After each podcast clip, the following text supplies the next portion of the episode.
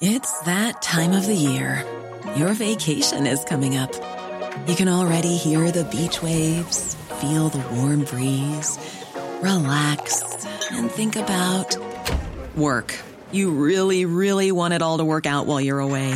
Monday.com gives you and the team that peace of mind. When all work is on one platform and everyone's in sync, things just flow wherever you are. Tap the banner to go to Monday.com. Hey, it's Paige DeSorbo from Giggly Squad. High quality fashion without the price tag? Say hello to Quince. I'm snagging high end essentials like cozy cashmere sweaters, sleek leather jackets, fine jewelry, and so much more. With Quince being 50 to 80% less than similar brands. And they partner with factories that prioritize safe, ethical, and responsible manufacturing. I love that. Luxury quality within reach. Go to quince.com slash style to get free shipping and 365 day returns on your next order. Quince.com slash style. Many of us have those stubborn pounds that seem impossible to lose, no matter how good we eat or how hard we work out. My solution is PlushCare. Plush care is a leading telehealth provider with doctors who are there for you day and night to partner with you in your weight loss journey. They can prescribe FDA-approved weight loss medications like Wegovy and Zepbound for those who qualify. Plus, they accept most insurance plans. To get started, visit plushcare.com slash weight loss. That's plushcare.com slash weight loss.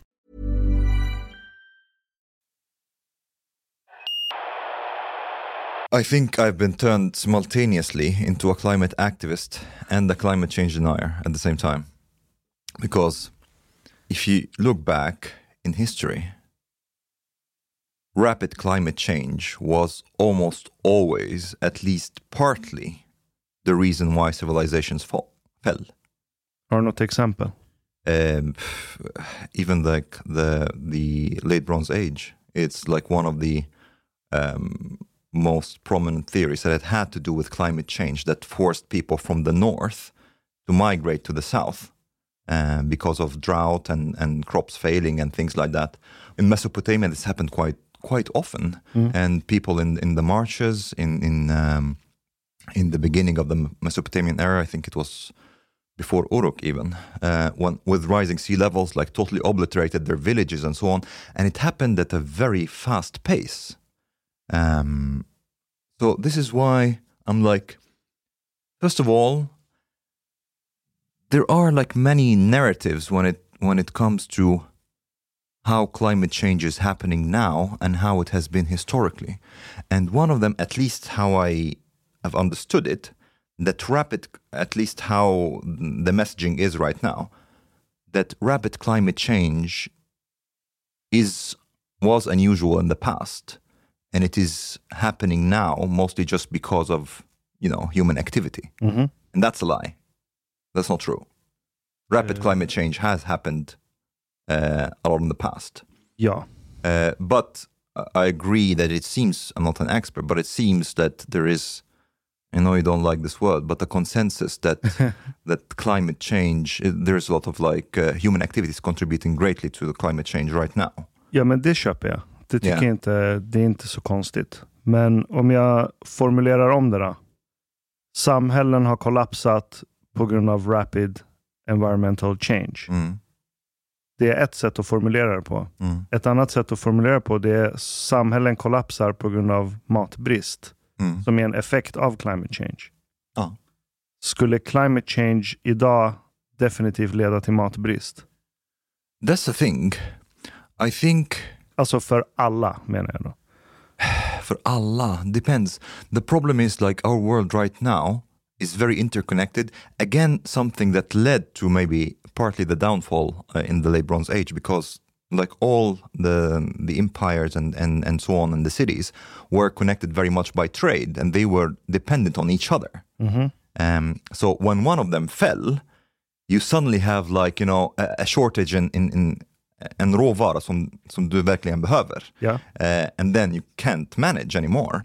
And the same thing kind of here, you know, if we were kind of isolated and self-sustainable, uh, each country or territory on its own, you can say that we could have survived. But, you know, take like the energy crisis or whatever, we are so dependent on other countries in a way that can lead to each country's collapse whenever a country that you're dependent on collapses. You understand what I mean? Ja, ja, ja, jag är med. Jag försöker break it down. Okej, om vi tar Ukraina-Ryssland-kriget. This is a good example. Vilka länder är helt beroende av Ukrainas veteexport till exempel? Uh, a, lot of, a lot of countries in Africa, including uh. Egypt, and it's like the the um, the rise in in like food prices there is creating like a really really heavy burden that could be actually society threatening. Society threatening på vilket sätt? Uh, as in, like in the end, you will not be able to feed the population. Är det matbrist i världen eller är det brist på mat i Egypten för att Egypten inte kan få in vete till ett skäligt pris?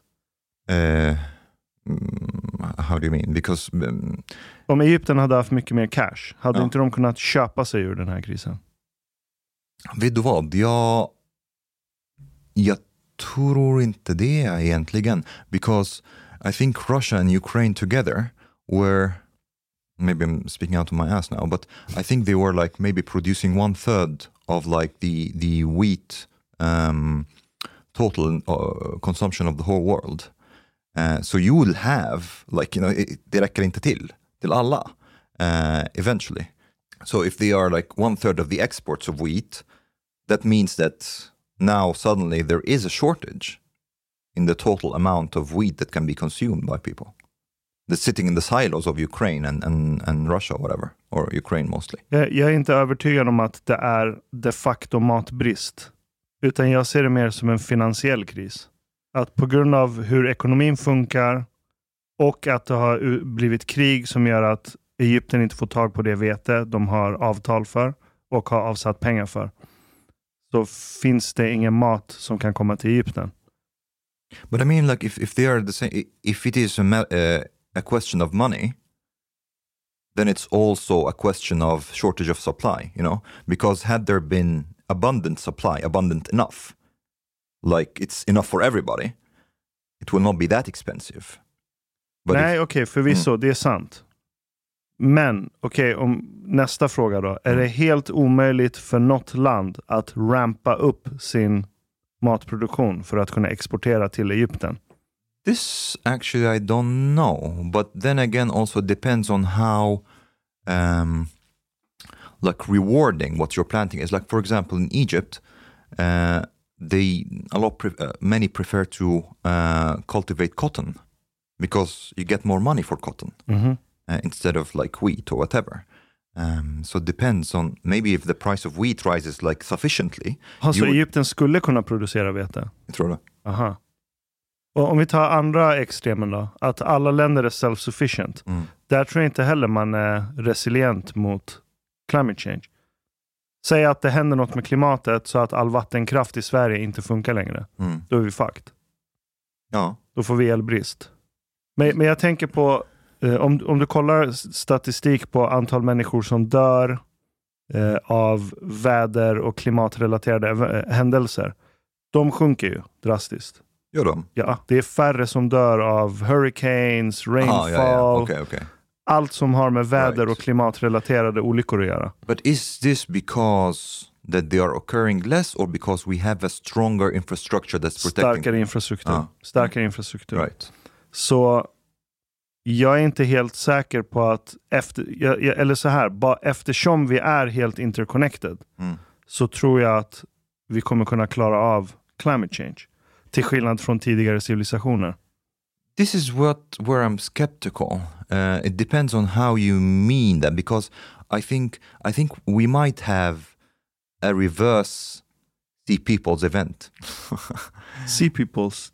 Kan du, the sea peoples are are um, it's uh, the the fall of the Bronze Age is contributed to the attack of the sea peoples.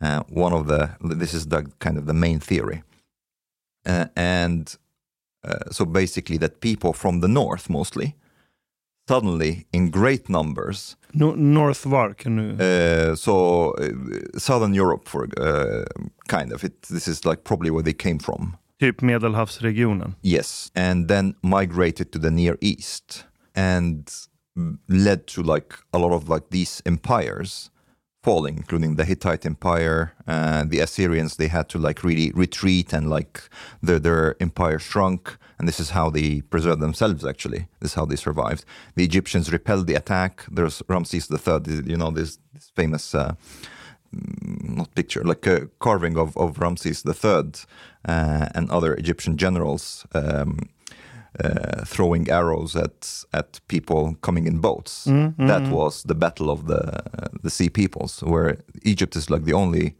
place that repelled their attack. But one of the theories is that because of rapid climate change, those people from from Europe were pushed out of their territories because of famine and drought and things like that.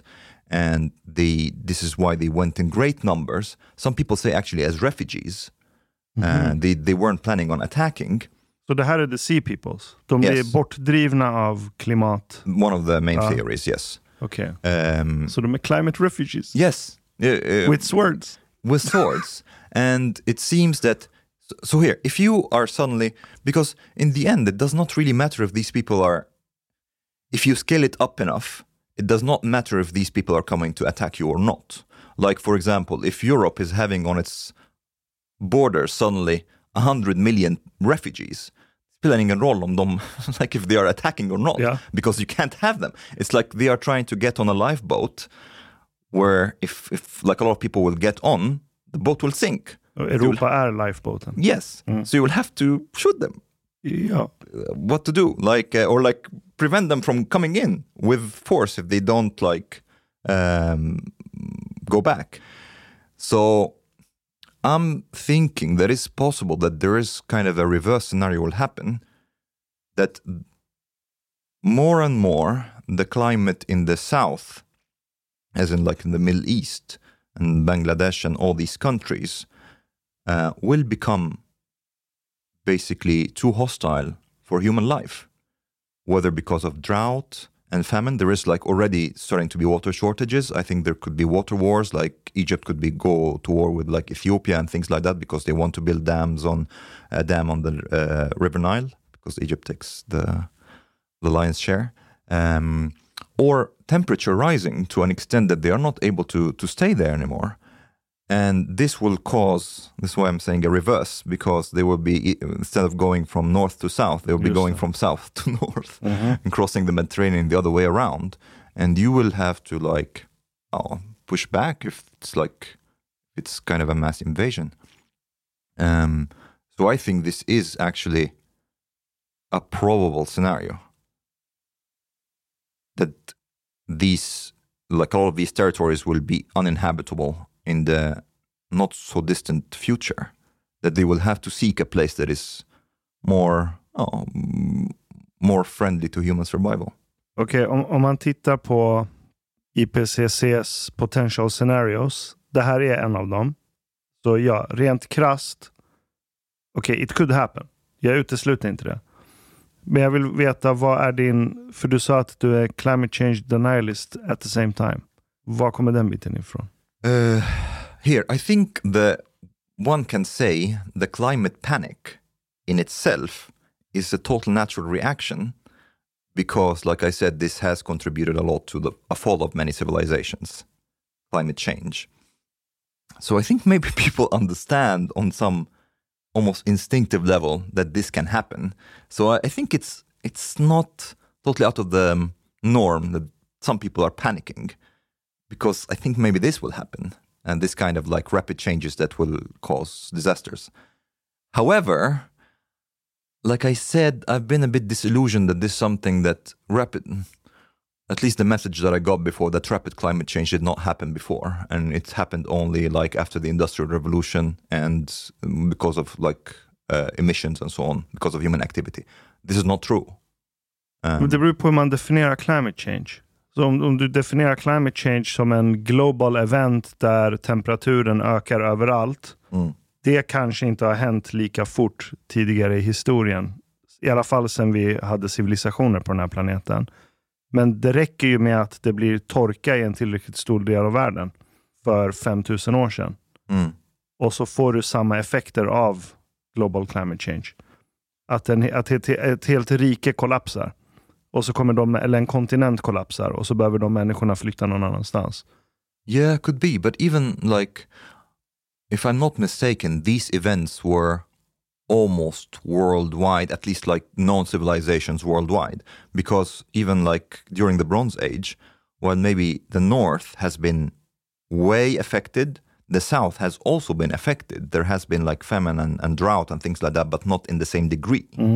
Uh, and it has weakened actually these like empires as well, including Egypt. But then again, like I said, because I, I'm, uh, I'm making fun of being like climate change denier, but uh, uh, I still I buy that human activity is contributing a lot to the current climate change. It's just that it was an eye-opening eye opener for me that this is not a new phenomena. Rapid climate change is not a new phenomena historically, and it's it is possible from how I see it that if we reduce the human activity that is uh, affecting the climate in this way, we will also reduce the pace of climate change. Jag är mer orolig för klimatpaniken. För att jag, jag ser inte det som ett potentiellt scenario att vi kommer kunna övertyga 500 miljoner människor i väst, eller nästan en miljard om vi tar med hela USA också, att reducera sin konsumtion och aktivitet. No, I agree with you. Det ser inte jag alls som ett görbart No, scenario. I agree with you. I think like Människor är urusla på att gå ner i levnadsstandard frivilligt. yeah, Vi hittar hända. på alla möjliga narrativ och berättelser i våra huvuden för varför det inte är nödvändigt. Yeah, I don't think this will happen. But okay, another way to put it, which is maybe more accurate, is to find a way to reduce our emissions. Vi kastar teknologi på problemet. Yeah, exactly. Yeah, but again, I don't know if it will really. Here, is there a way that we, with high probability, we would reduce our emissions to an extent that stops climate change? Nej, det beror på om vi har kommit över någon sorts tipping point. Ja, Så att det inte går att backa. ja, Jag tror inte världen kommer kollapsa även om vi får en massmigration av säg 200 miljoner människor. Det kommer vara en brutal event. För eh, väst kommer inte släppa in 200 miljoner pers som är på flykt. What will we, what Inte will ens de them? mest inbitna invandringsförespråkarna. What will they do with them though? Because th- that's the thing. I agree with you that a lot of people will agree that you can't do it, but a lot of people also will not be able to use force. To to uh, they will like stop short of force. Jag tror folk kommer göra det. I don't think they have the guts. Vi har gjort det förut. Vi har gjort det förut, vi kommer göra det igen. Jag säger inte att det är nice. Jag säger bara att det är inte en world collapsing event. Det är inte en civilization collapsing event. Det är den mest brutala massmordseventet som någonsin kommer ha skett i mänsklighetens historia. Depends on scale as well. Because if we're talking about like I don't know if it will be 200 million because Egypt only is 100 million. It's like, it's like, what if they are 1 billion? I don't know. Uh, but this is like one of the probable scenarios that I think we should talk about more and maybe like help these countries to be more sustainable somehow in this case so that this doesn't happen. Ja, men det vi vet är att koldioxidutsläpp leder till temperaturökning som i sin tur sätter igång en kaskad av andra effekter. Så där borde sannolikheten vara hög att om vi minskar på koldioxidutsläpp, det vill säga användning av fossila bränslen, så kanske vi kan reversera en viss del av den här effekten. Men det bygger på att vi kan reducera koldioxidutsläpp. Utan fusionskraft så kommer vi inte kunna göra det utan att upprätthålla den civilisation vi redan har i väst. Så vad finns det för utväg utöver fusion?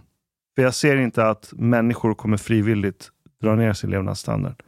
Jag tror människor kommer till sista bloddroppen hitta på varför vi inte ska dra ner vår levnadsstandard och bara fortsätta som vi gör. So, uh, if I'm understanding you correctly, you mean that for us to reach like a sufficiently nuclear status, uh, we need to kind of continue on the same path, producing like carbon dioxide and so on, and this can push us beyond the tipping point. Is this what you what you mean? Men jag säger inte att vi ska göra det. Mm. Jag säger att vi, jag tror inte vi har någon utväg. Yeah, but I mean, like, why don't we just like focus on going nuclear?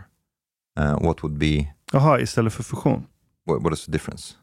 Båda är ju en sorts kärnkraft. Men den kärnkraft vi har idag, det är fission. Där du klyver en atom och frigör energi genom den processen. Medan fusion, så tar du, du slår ihop två atomer för att bilda ett nytt grundämne. Så det man testar fusion på idag, det är att man hettar upp deuterium, som är, en, som är vatten egentligen, som innehåller en isotop av väte. Och Det finns rätt mycket av det i naturen, så det går att utvinna tillräckligt med deuterium för den här processen. Och Då slår du ihop deuterium med tritium, som är ytterligare en annan isotop av väte, som däremot är väldigt, väldigt sällsynt. Så även om, okay, även om vi skulle få fusion att funka så vet vi inte hur vi kan producera tillräckligt med tritium idag. Det finns olika processer för att göra det, men de är inte så billiga just nu. Men, men tänk på att aluminiumbestick var mycket mer värdefullt än guldbestick en gång i tiden. För vi visste inte hur man utvinner aluminium och förädlar det Mm på ett tillräckligt kostnadseffektivt sätt. Medan idag så dricker vi kola ur en aluminiumburk och kastar bort den som om det inte är värt någonting.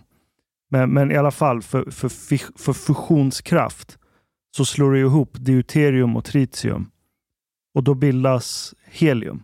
Men i den processen så frigörs det, jag tror det är fyra, tre eller fyra gånger mer energi än klassisk fission som våra kärnreaktorer använder sig av idag.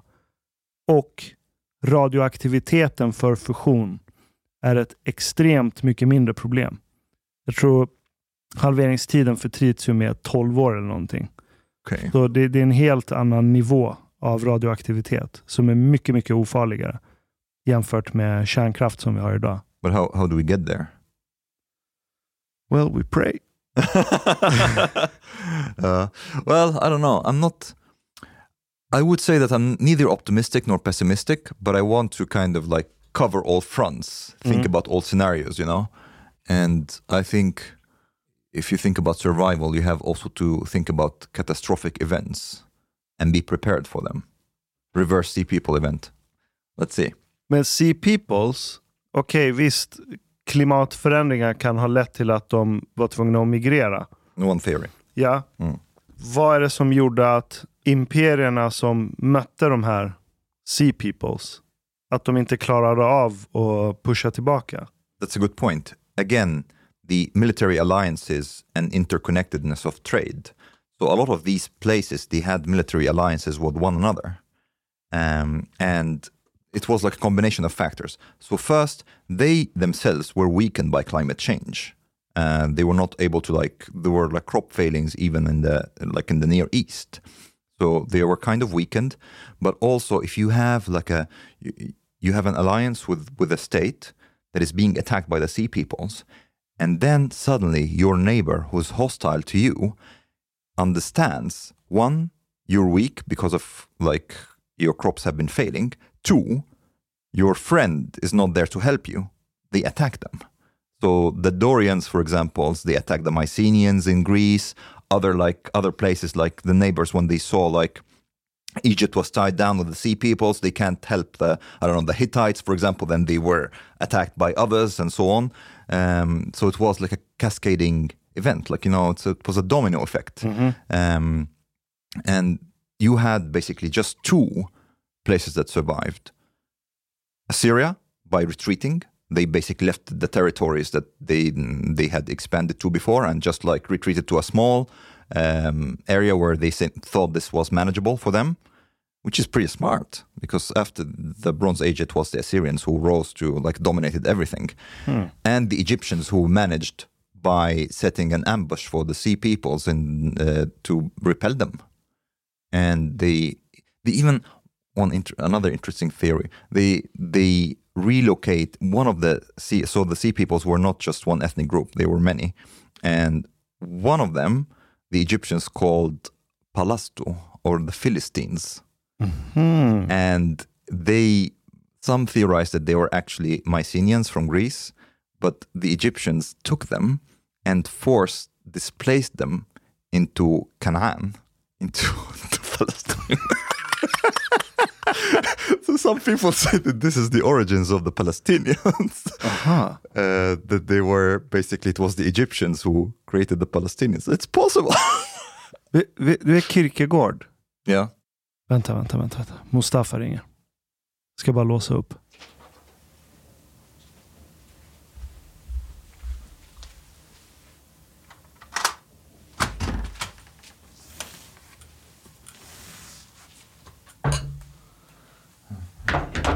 Ni har gått bakom våra ryggar. Nej.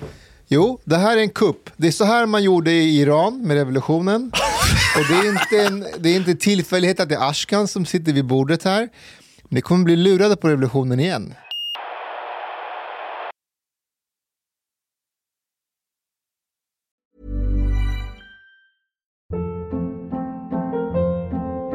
Hold up. What was that? Boring. No flavor. That was as bad as those leftovers you ate all week. Keke Palmer here, and it's time to say hello to something fresh and guilt-free. Hello Fresh. Jazz up dinner with pecan-crusted chicken or garlic butter shrimp scampi. Now that's music to my mouth. Hello Fresh. Let's get this dinner party started. Discover all the delicious possibilities at hellofresh.com. Planning for your next trip? Elevate your travel style with Quince. Quince has all the jet setting essentials you'll want for your next getaway, like European linen, premium luggage options, buttery soft Italian leather bags, and so much more. And is all priced at 50 to 80% less than similar brands. Plus, Quince only works with factories that use safe and ethical manufacturing practices. Pack your bags with high-quality essentials you'll be wearing for vacations to come with Quince. Go to quince.com slash pack for free shipping and 365-day returns. Hi, I'm Daniel, founder of Pretty Litter. Did you know cats tend to hide symptoms of sickness and pain? I learned this the hard way after losing my cat, Gingy. So I created Pretty Litter, a health monitoring litter that helps detect early signs of illness by changing colors, saving you money and potentially your cat's life. Pretty Litter is veterinarian developed, and it's the easiest way to keep tabs on your fur baby's health right at home. Go to prettylitter.com and use code ACAST for 20% off your first order and a free cat toy. Terms and conditions apply. See site for details.